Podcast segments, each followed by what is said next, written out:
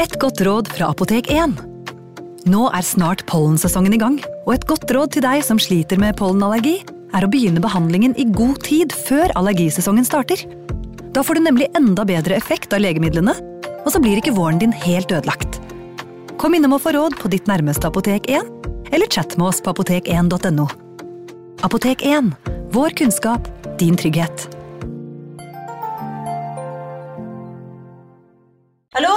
Jeg kommer fra Oslo politikammer. Ine Jansen er purk. Er du purk? The motherfucking bitch. Alt jeg vil, er å finne ut hva som skjedde med mannen min. Jon Carew. Er jeg sikta for noe? Iben Akeli. Det er du. Ole So, Lars Berrum og Big Daddy Karsten. Hvem sin side er du på, egentlig? Anette Hoff, Tone Danielsen, Kommer du fra Afrika? Jørnis Josef, Nesten kløfta. Trond Espen Seim, Det er synd å si det, men det var feil mann som døde. Purk. Premiere tirsdag på TV2 Play. Ungsamtalen fra DNB er økonomisk veiledning tilpasset deg som er ung. Bokk en ungsamtale på dnb.no. slash ung. Det er kjempebra hvis du skal inn på boligmarkedet, hvis det er drømmen din, liksom. Det er det du skulle sagt. Og så kunne du ropt litt mer, da, sånn som jeg gjorde. Bam! Advarsel. Denne podkasten inneholder skildringer av ekte drap og kriminalsaker som kan være støtende for enkelte. Det advares også mot sterke inntrykk i deler av episoden. Hva er du redd for? Er du kanskje redd for spøkelser, eller å gå ned i den mørke kjelleren på kvelden når de mystiske lydene høres og skumle skygger danser i de mørke hjørnene? Eller hva med klovner? De stive, fargerike maskene med de altfor store smilene. Tenk hvis du møtte en slik klovn en gang. Hadde du blitt redd da? Historien du nå skal få høre, handler om akkurat det en klovn. En morderklovn. Velkommen til True Crime Podden.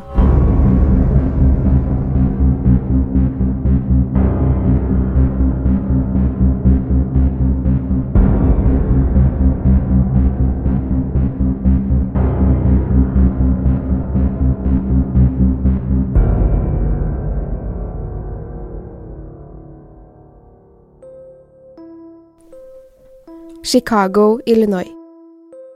Den 17. mars 1942 blir en stor dag for familien Gacy. John og Marion blir foreldre til en etterlengtet sønn. De kaller han opp etter sin far og får navnet John jr. Babyen er stor, frisk og fin, og lykken er komplett for den lille familien. De har en datter fra før som stolt konstaterer at hun er blitt storesøster. Lykken skal derimot ikke vare lenge. John senior går straks tilbake til gamle vaner. Han begynner å drikke igjen, og familieidyllen blir brutt. John senior er alkoholisert og blir voldelig jo lenger ned i flasken han kommer. Han slår sin kone, men skygger ikke av veien for å slå sine nå tre barn heller. John jr. har blitt storebror til en liten jente som han føler han vil beskytte. De tre Gacy-barna er redde for faren, særlig når han drikker. De vet aldri hvilket humør han er i, og går ofte med en klump i magen på skolen i tilfelle helvete er løs hjemme. Mamma Marion forsøker så godt hun kan å beskytte de tre barna sine, men noen ganger klarer hun ikke å holde dem unna den voldelige ektemannen. En dag kommer lille John hjem med en leketraktor fra en butikk i nabolaget. Marion vet at John ikke har egne penger, og spør sønnen hvor han fikk traktoren fra. Jeg tok den med hjem, svarer John. Marion blir forskrekket. Sønnen hennes har stjålet. I håp om at ektemannen hennes ikke skal finne ut om tyveriet, tar hun med seg lille John og leketraktoren tilbake til butikken. Hun får John til å levere tilbake leken og å unnskylde seg overfor de som eier butikken. Eierne godtar unnskyldningen, og Marion tror saken er ute av verden. Dessverre forsnakker hun seg senere samme kveld, og ektemannen får vite at sønnen har stjålet. John senior blir rasende og henter beltet med den største beltespennen han har. Lille John, livredd og skamfull, må dra ned buksene og bøye seg fremover. Slagene er hardere enn vanlig. Til tross for all volden hjemme klarer Johns søstre seg bra både på skolen og sosialt. John derimot, som var den som fikk mest juling, begynner tidlig å vise tegn på at han ikke er som alle andre gutter. Bare syv år gammel, i 1949, blir John og en kamerat tatt på fersken mens de holder igjen og beføler en jevnaldrende jente. Rektor på guttenes skole sender brev med dem hjem, og John blir slått og sparket så hardt at han mister bevisstheten og får hjernerystelse. Han blir tvunget til å gå på skolen neste dag, men besvimer i timene. Samme år som befølingen av den lille jenta opplever også John uønsket seksuell oppmerksomhet. En venn av familien, farens snekkerkamerat som John har kjent siden han var liten, inviterer syvåringen på en kjøretur i lastebilen sin. John blir motvillig med, og mannen stopper på en bortgjemt grusvei og tvinger John til å ta på han mens han beføler John under klærne. John blir redd og føler seg ekkel etter hendelsen, men tør ikke fortelle det til noen. Han er redd faren vil mene det er hans skyld, og lille John orker ikke mer juling. John er overvektig og usikker. Av flere helseproblemer får han beskjed om å holde seg unna fysisk aktivitet, slik som gym på skolen. Han får heller ikke spille ball med guttene i friminuttene, noe som gjør han til et mobbeoffer. Faren kaller han ekkel og fet, og sier at han heller får sy og leke med dukker sammen med jentene. Besvimelsene John fikk som barn, gir seg ikke. Han får såkalte blackouts og kan plutselig miste bevisstheten helt uten forvarsel. Han skader seg ofte når han faller, og til slutt ender han på sykehuset. Mellom 14 og 18 års alder tilbringer John store deler av tiden på forskjellige sykehus grunnet besvimelser og sterk hodepine. Han blir også akuttoperert for sprukken blindtarm, og finner ut at så lenge han tar smertestillende medisiner, forsvinner anfallene hans. Johns mamma og søstre besøker han ofte på sykehuset, men faren vil ikke se han. John senior mener sønnen faker sykdommene sine for å få oppmerksomhet, og vil ikke vite av ham. Ettersom John er innlagt på sykehuset store deler av tenårene, går det ikke så bra på skolen. Han stryker i flere fag, mest av sitt store fravær. John klarer derfor ikke å fullføre videregående skole slik som skolekameratene. Johns far mener sønnen ikke fullførte skolen fordi han var dum, og håner han istedenfor å oppmuntre han til å ta eksamen. Etter at Johns skolekamerater får seg jobber, koner og barn, vet ikke John hva han skal gjøre. Han har ingen utdannelse og klarer ikke skaffe seg jobb. Farens alkoholproblemer blir verre og verre. John bestemmer seg for å rømme til en helt ny by. Valget faller på Las Vegas, Nevada. John kjenner ingen i den store gamblingbyen, men er fast bestemt på å finne seg jobb og bli kjent med nye mennesker. Han får seg jobb som ambulanseassistent og jobber hovedsakelig nattskift. Fulle mennesker, overdoser, prostitusjon og slåsskamper preget nettene i Las Vegas, og John Wayne Gacy blir fascinert. Han synes det er spennende å se bevisstløse mennesker, blodet og skadene de har pådratt seg. Han begynner også å interessere seg for døde mennesker, som han jevnlig ser i ambulansejobben. Jobben som ambulanseassistent betalte ikke godt. John Gacy hadde ikke råd til å leie noen leilighet for pengene han tjente, og tok derfor ytterligere en jobb som assistent på et begravelsesbyrå. Han tjente ikke så mye på den jobben heller, men fikk lov til å sove på kontoret gratis, så lenge han også stilte opp og jobbet om natten hvis det var behov for det. I en by som Las Vegas, med forskjellige typer avhengighet og i tillegg gambling, ble jobben som begravelsesagent travel. John fikk en liten sum penger per lik han hentet, og var rask til å møte opp for likhentingen. En natt var det rolig på begravelsesbyrået. Kontoret var mørkt, og ingen andre enn John Wayne Gacy var der. Han hadde passet på å låse alle dører slik at ingen skulle komme inn.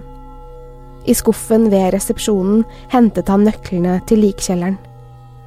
Han gikk stille ned trappen og kjente at luften ble kaldere jo lenger ned han kom.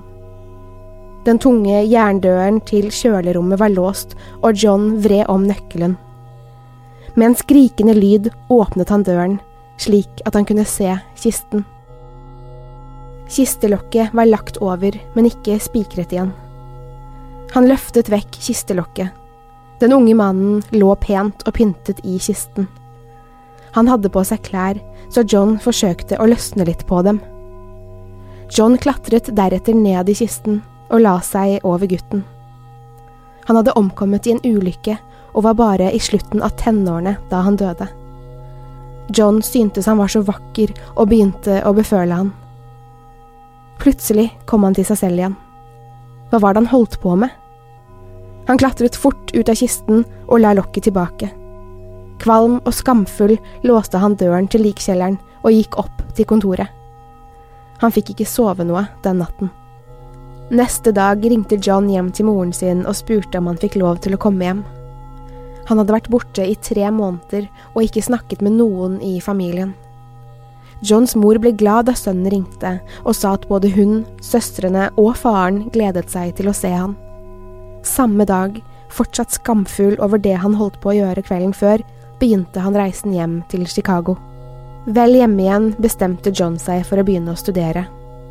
Han klarte opptaksprøven og fikk studieplass på et lite college ikke langt fra den lille byen han bodde i utenfor Chicago.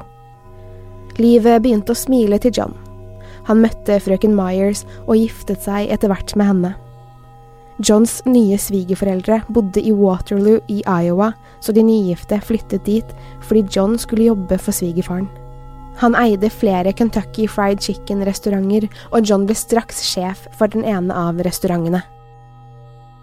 Selv om John ikke hadde noen ledererfaring, gjorde han en helt grei jobb som sjef.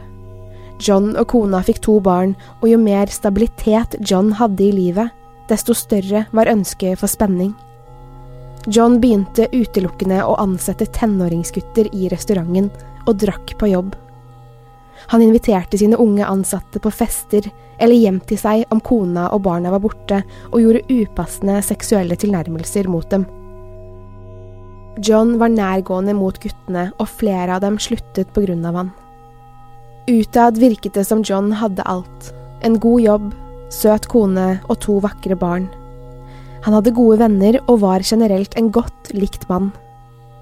Johns en gang så voldelige og alkoholiserte far så det og ba sønnen om unnskyldning for behandlingen han hadde gitt han i barndommen. Jeg tok feil av deg, sa han. Det gjorde noe med John. Han begynte å føle seg uovervinnelig.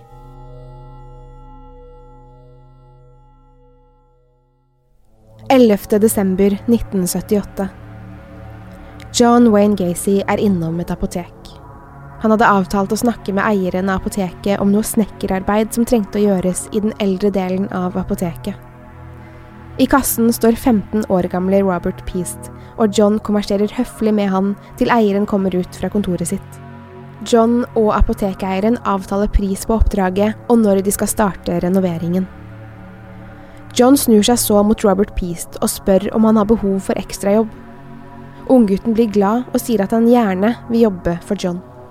De avtaler å møtes senere samme ettermiddag.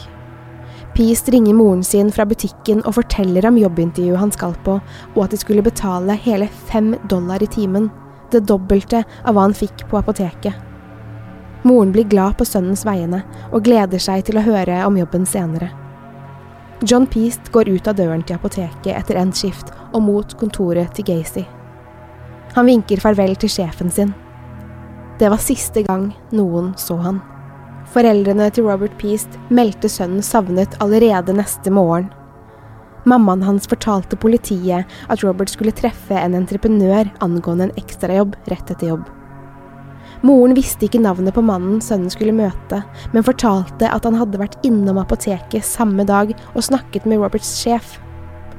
Politiet bestemmer seg for å høre med ungguttens sjef og spør hvem Robert Peast skulle møte. Apotekseieren husker ikke helt hva mannen het, men kommer på at han fikk mannens visittkort før han dro, og gir det til politiet. Politiet bestemmer seg for å ta en prat med denne John Wayne Gacy. De håpet at han visste noe om forsvinningen. John Wayne Gacy møter politiet på kontoret sitt. Han sitter bak skrivebordet og ser hånlig på dem. Jeg aner ikke hva dere prater om, sier han. Gacy sier at han ikke engang vet hvem gutten er, og hadde i alle fall ingen planer med han. Mistenksomheten til det Gacy sier, får politietterforskerne til å lure på hva som egentlig er sant. Apotekseieren og Robert Peasts mamma sier gutten skulle møte Gacy, og Gacy selv mener at det ikke stemmer. Noen lyver. Etterforskerne sjekker bakgrunnen til Gacy, og det viser seg at han tidligere er dømt for voldtekt av en 15 år gammel gutt. Han hadde sittet i fengsel i 18 måneder for voldtekten. Her begynner varsellampene å blinke. Det settes opp overvåkning av John Wayne Gacy, både på jobben og hjemme. Spanerne følger etter han hele dagen og hele natten. Selv om det ikke er sikkert at Gacy har noe med Robert sin forsvinning å gjøre, vil de være på den sikre siden, da de ikke har andre spor å gå etter. Gacy var mest sannsynlig den siste som så Robert, så han var verdt å sjekke. Gacy blir etter hvert klar over at noen følger etter han, og blir dermed veldig irritert. Han skriker og kjefter på spanerne, men forstår at de ikke kommer til å gi seg. Derfor begynner han å prate med dem som om de er venner. Spanerne spiller med og håper at Gacy skal forsnakke seg. Han oppfører seg på en måte som skremmer spanerne. Først er han kameratslig med dem, deretter er han forbannet og slår etter dem. Siden politiet kun har indisier mot Gacy, kan de verken arrestere ham eller la være å spane på ham, i tilfelle han leder dem mot Robert Peast. De har rett og slett ikke noe annet valg enn å la han gjøre som han vil, så lenge det ikke er ulovlig. En dag mens Gacy er i godt humør, inviterer han to av favorittspanerne sine inn på en cocktail. De takker høflig ja og følger etter Gacy inn i huset hans. Huset er mørkt, fuktig og varmt, nesten muggent. Alle gardiner er trukket for, og altfor mange møbler er plassert rundt i stuen. Det ser ikke ut som et hjem, men mer som et lager. Spanerne ser seg rundt og prøver å oppføre seg som vanlig. Den ene av dem unnskylder seg og spør om å få låne toalettet. Gacy peker mot en dør lenger ned i gangen, retning kjøkkenet. Politimannen, som hadde håpet at det var i en annen etasje, slik at han kunne se seg mer om, går inn i det lille avlukket og låser døren etter seg. En merkelig, nesten søtlig stank slår mot han. Han finner ut at lukten kommer fra sprekkene i gulvet, kanskje under huset. Den ekle lukten tar han ikke feil av. Han har luktet forråtnede lik flere ganger. Spanerne, den ene vel vitende om at det mest sannsynlig ligger et lik begravet ved eller under huset, takker Gacy for gjestfriheten og returnerer til spanningsbilen. Som om ingenting har skjedd, setter de seg inn og kjører noen meter fra huset. Ute av syne for Gacy ringer de operasjonssentralen og ber om forsterkninger. Gacy gjemmer et lik.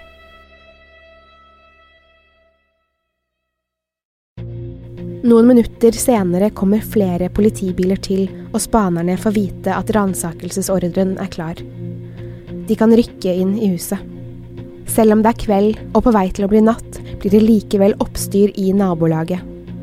Blålysene vekket nysgjerrigheten hos naboene.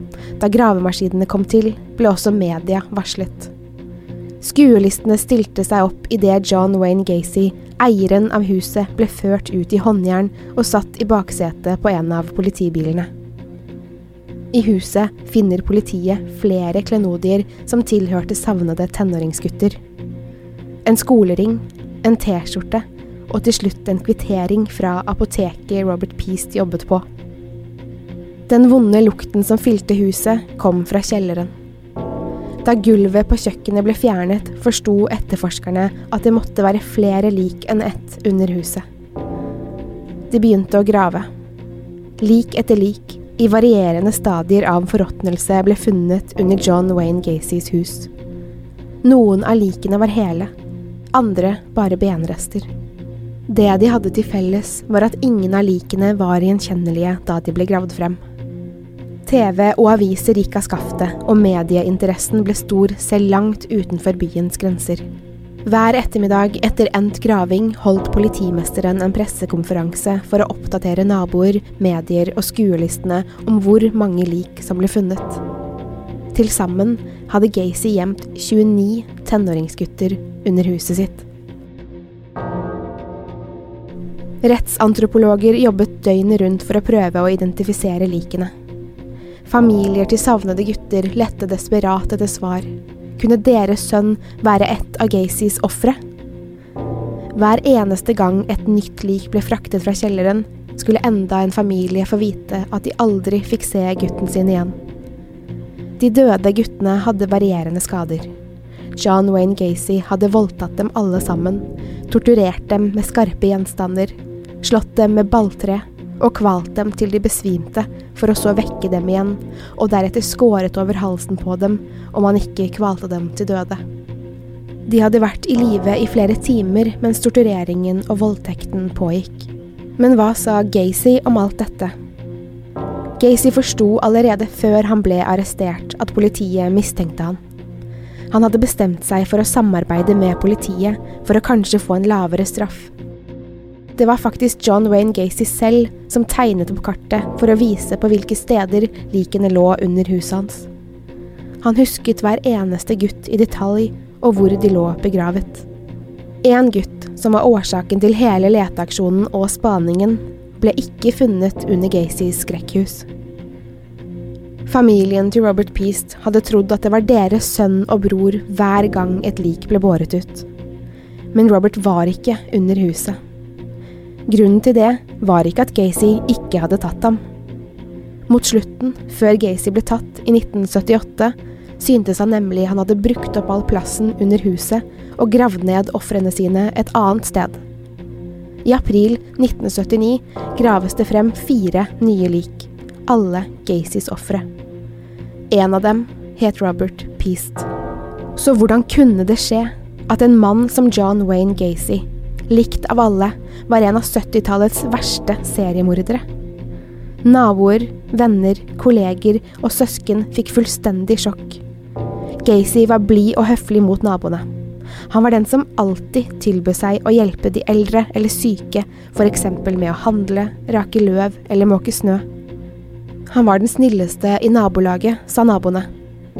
Gacy pleide også hver sommer å invitere alle nabofamiliene til en stor grillfest. Han sto for mat, drikke og underholdningen. Gacy likte nemlig godt å kle seg ut som klovn for å underholde barna.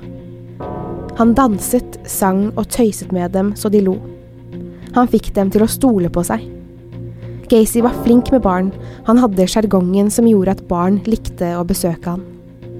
Den store, snille klovnen var egentlig en seriemorder som ville dem vondt.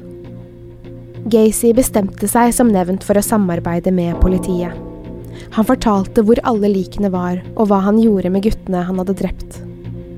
Volden han hadde brukt mot guttene var ekstrem, så det ble diskutert om familiene til guttene skulle bli ført ut av rettssalen mens skadene ble lest opp av rettsmedisineren.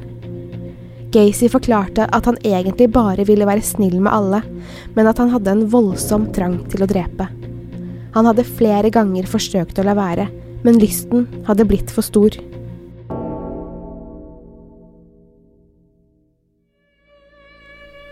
Mellom 1972 og 1978 hadde han voldtatt, torturert og drept 33 tenåringsgutter.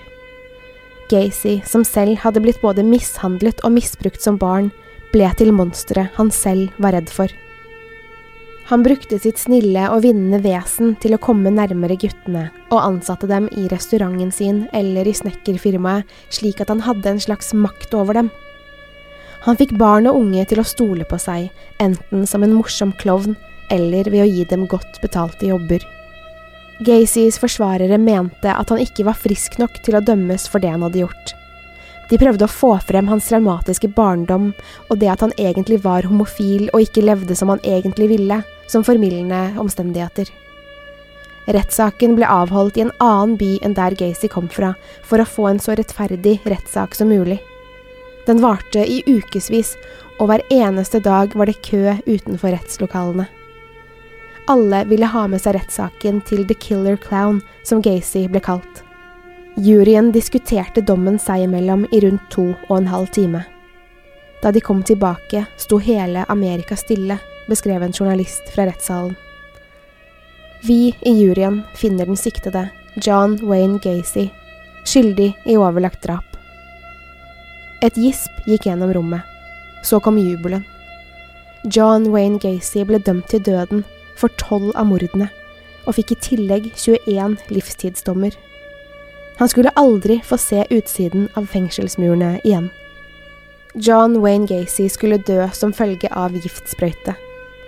Egentlig ble dødsdatoen satt til juni året etter rettssaken, men forsvarerne hans klarte å utsette dommen. Gacy følte seg urettferdig behandlet. Han mente at han ikke fortjente å dømmes til døden, siden han hadde hjulpet politiet og fortalt dem hele historien. I 14 år satt Gacy på death row. I starten malte han bilder og solgte dem på auksjoner. Han tjente litt penger på bildene, som var av Pogo the Clown, altså seg selv, som både trist og glad. I dag selges maleriene hans for flere tusen dollar. Etter hvert som årene gikk, ble Gacy mer og mer bitter. I 1992 stilte han opp i et TV-intervju som kan sees på YouTube i utvalgte deler. Der mener han at han aldri drepte noen, og at han var uskyldig dømt. Den 10. mai 1994 ble dagen da 52 år gamle John Wayne Gacy skulle henrettes. Som sitt siste måltid spiste han en bøtte med Kentucky Fried Chicken, tolv friterte scampi, pommes frites og jordbær til dessert. Han drakk Cola Light til måltidet. Gacy håpet i det lengste på en utsettelse, men da han forsto at han skulle dø, uttrykte han sine siste ord. Kiss my ass. John Wayne Gacys hjerne ble bevart og forsket på. Et forskerteam ville se om en seriemorders hjerne var annerledes enn vanlige menneskers.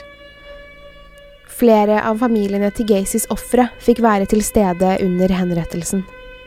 Noen av dem følte seg bedre etter å ha sett at Gacy var død. Andre mente det ikke spilte noen rolle. De fikk jo aldri tilbake sitt elskede familiemedlem likevel. Historien om John Wayne Gacy er lang og komplisert. Det er andre aspekter av livet hans som ikke er tatt med i denne episoden. Vil du vite mer om han, finnes det dokumentarer om han, eksempel på YouTube. Vi legger ut bilder av Gacy, både som snill og morsom klovn, men også som seg selv på vår Instagram-konto, der heter vi True Crime Norge. Bildene blir også lagt ut på Facebook, der heter vi True Crime Podden. Har du spørsmål, tips til saker eller kommentarer til denne episoden, mail oss på post at truecrimenorge.no, eller skriv til oss i sosiale medier. Se opp for morderklovner, og pass på deg selv. Du vet aldri hva som skjuler seg bak masken. Takk for at du har hørt på True Crime-podden.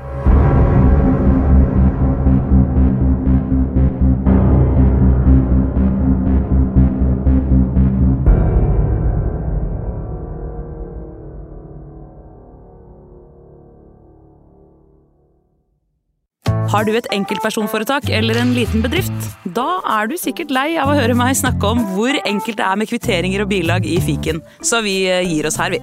Fordi vi liker enkelt. Fiken superenkelt regnskap. Hei! Takk for at du lytter til True Crime Podden.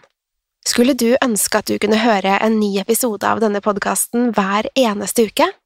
Vel, da er det bare å laste ned podkastappen Untold med en gang.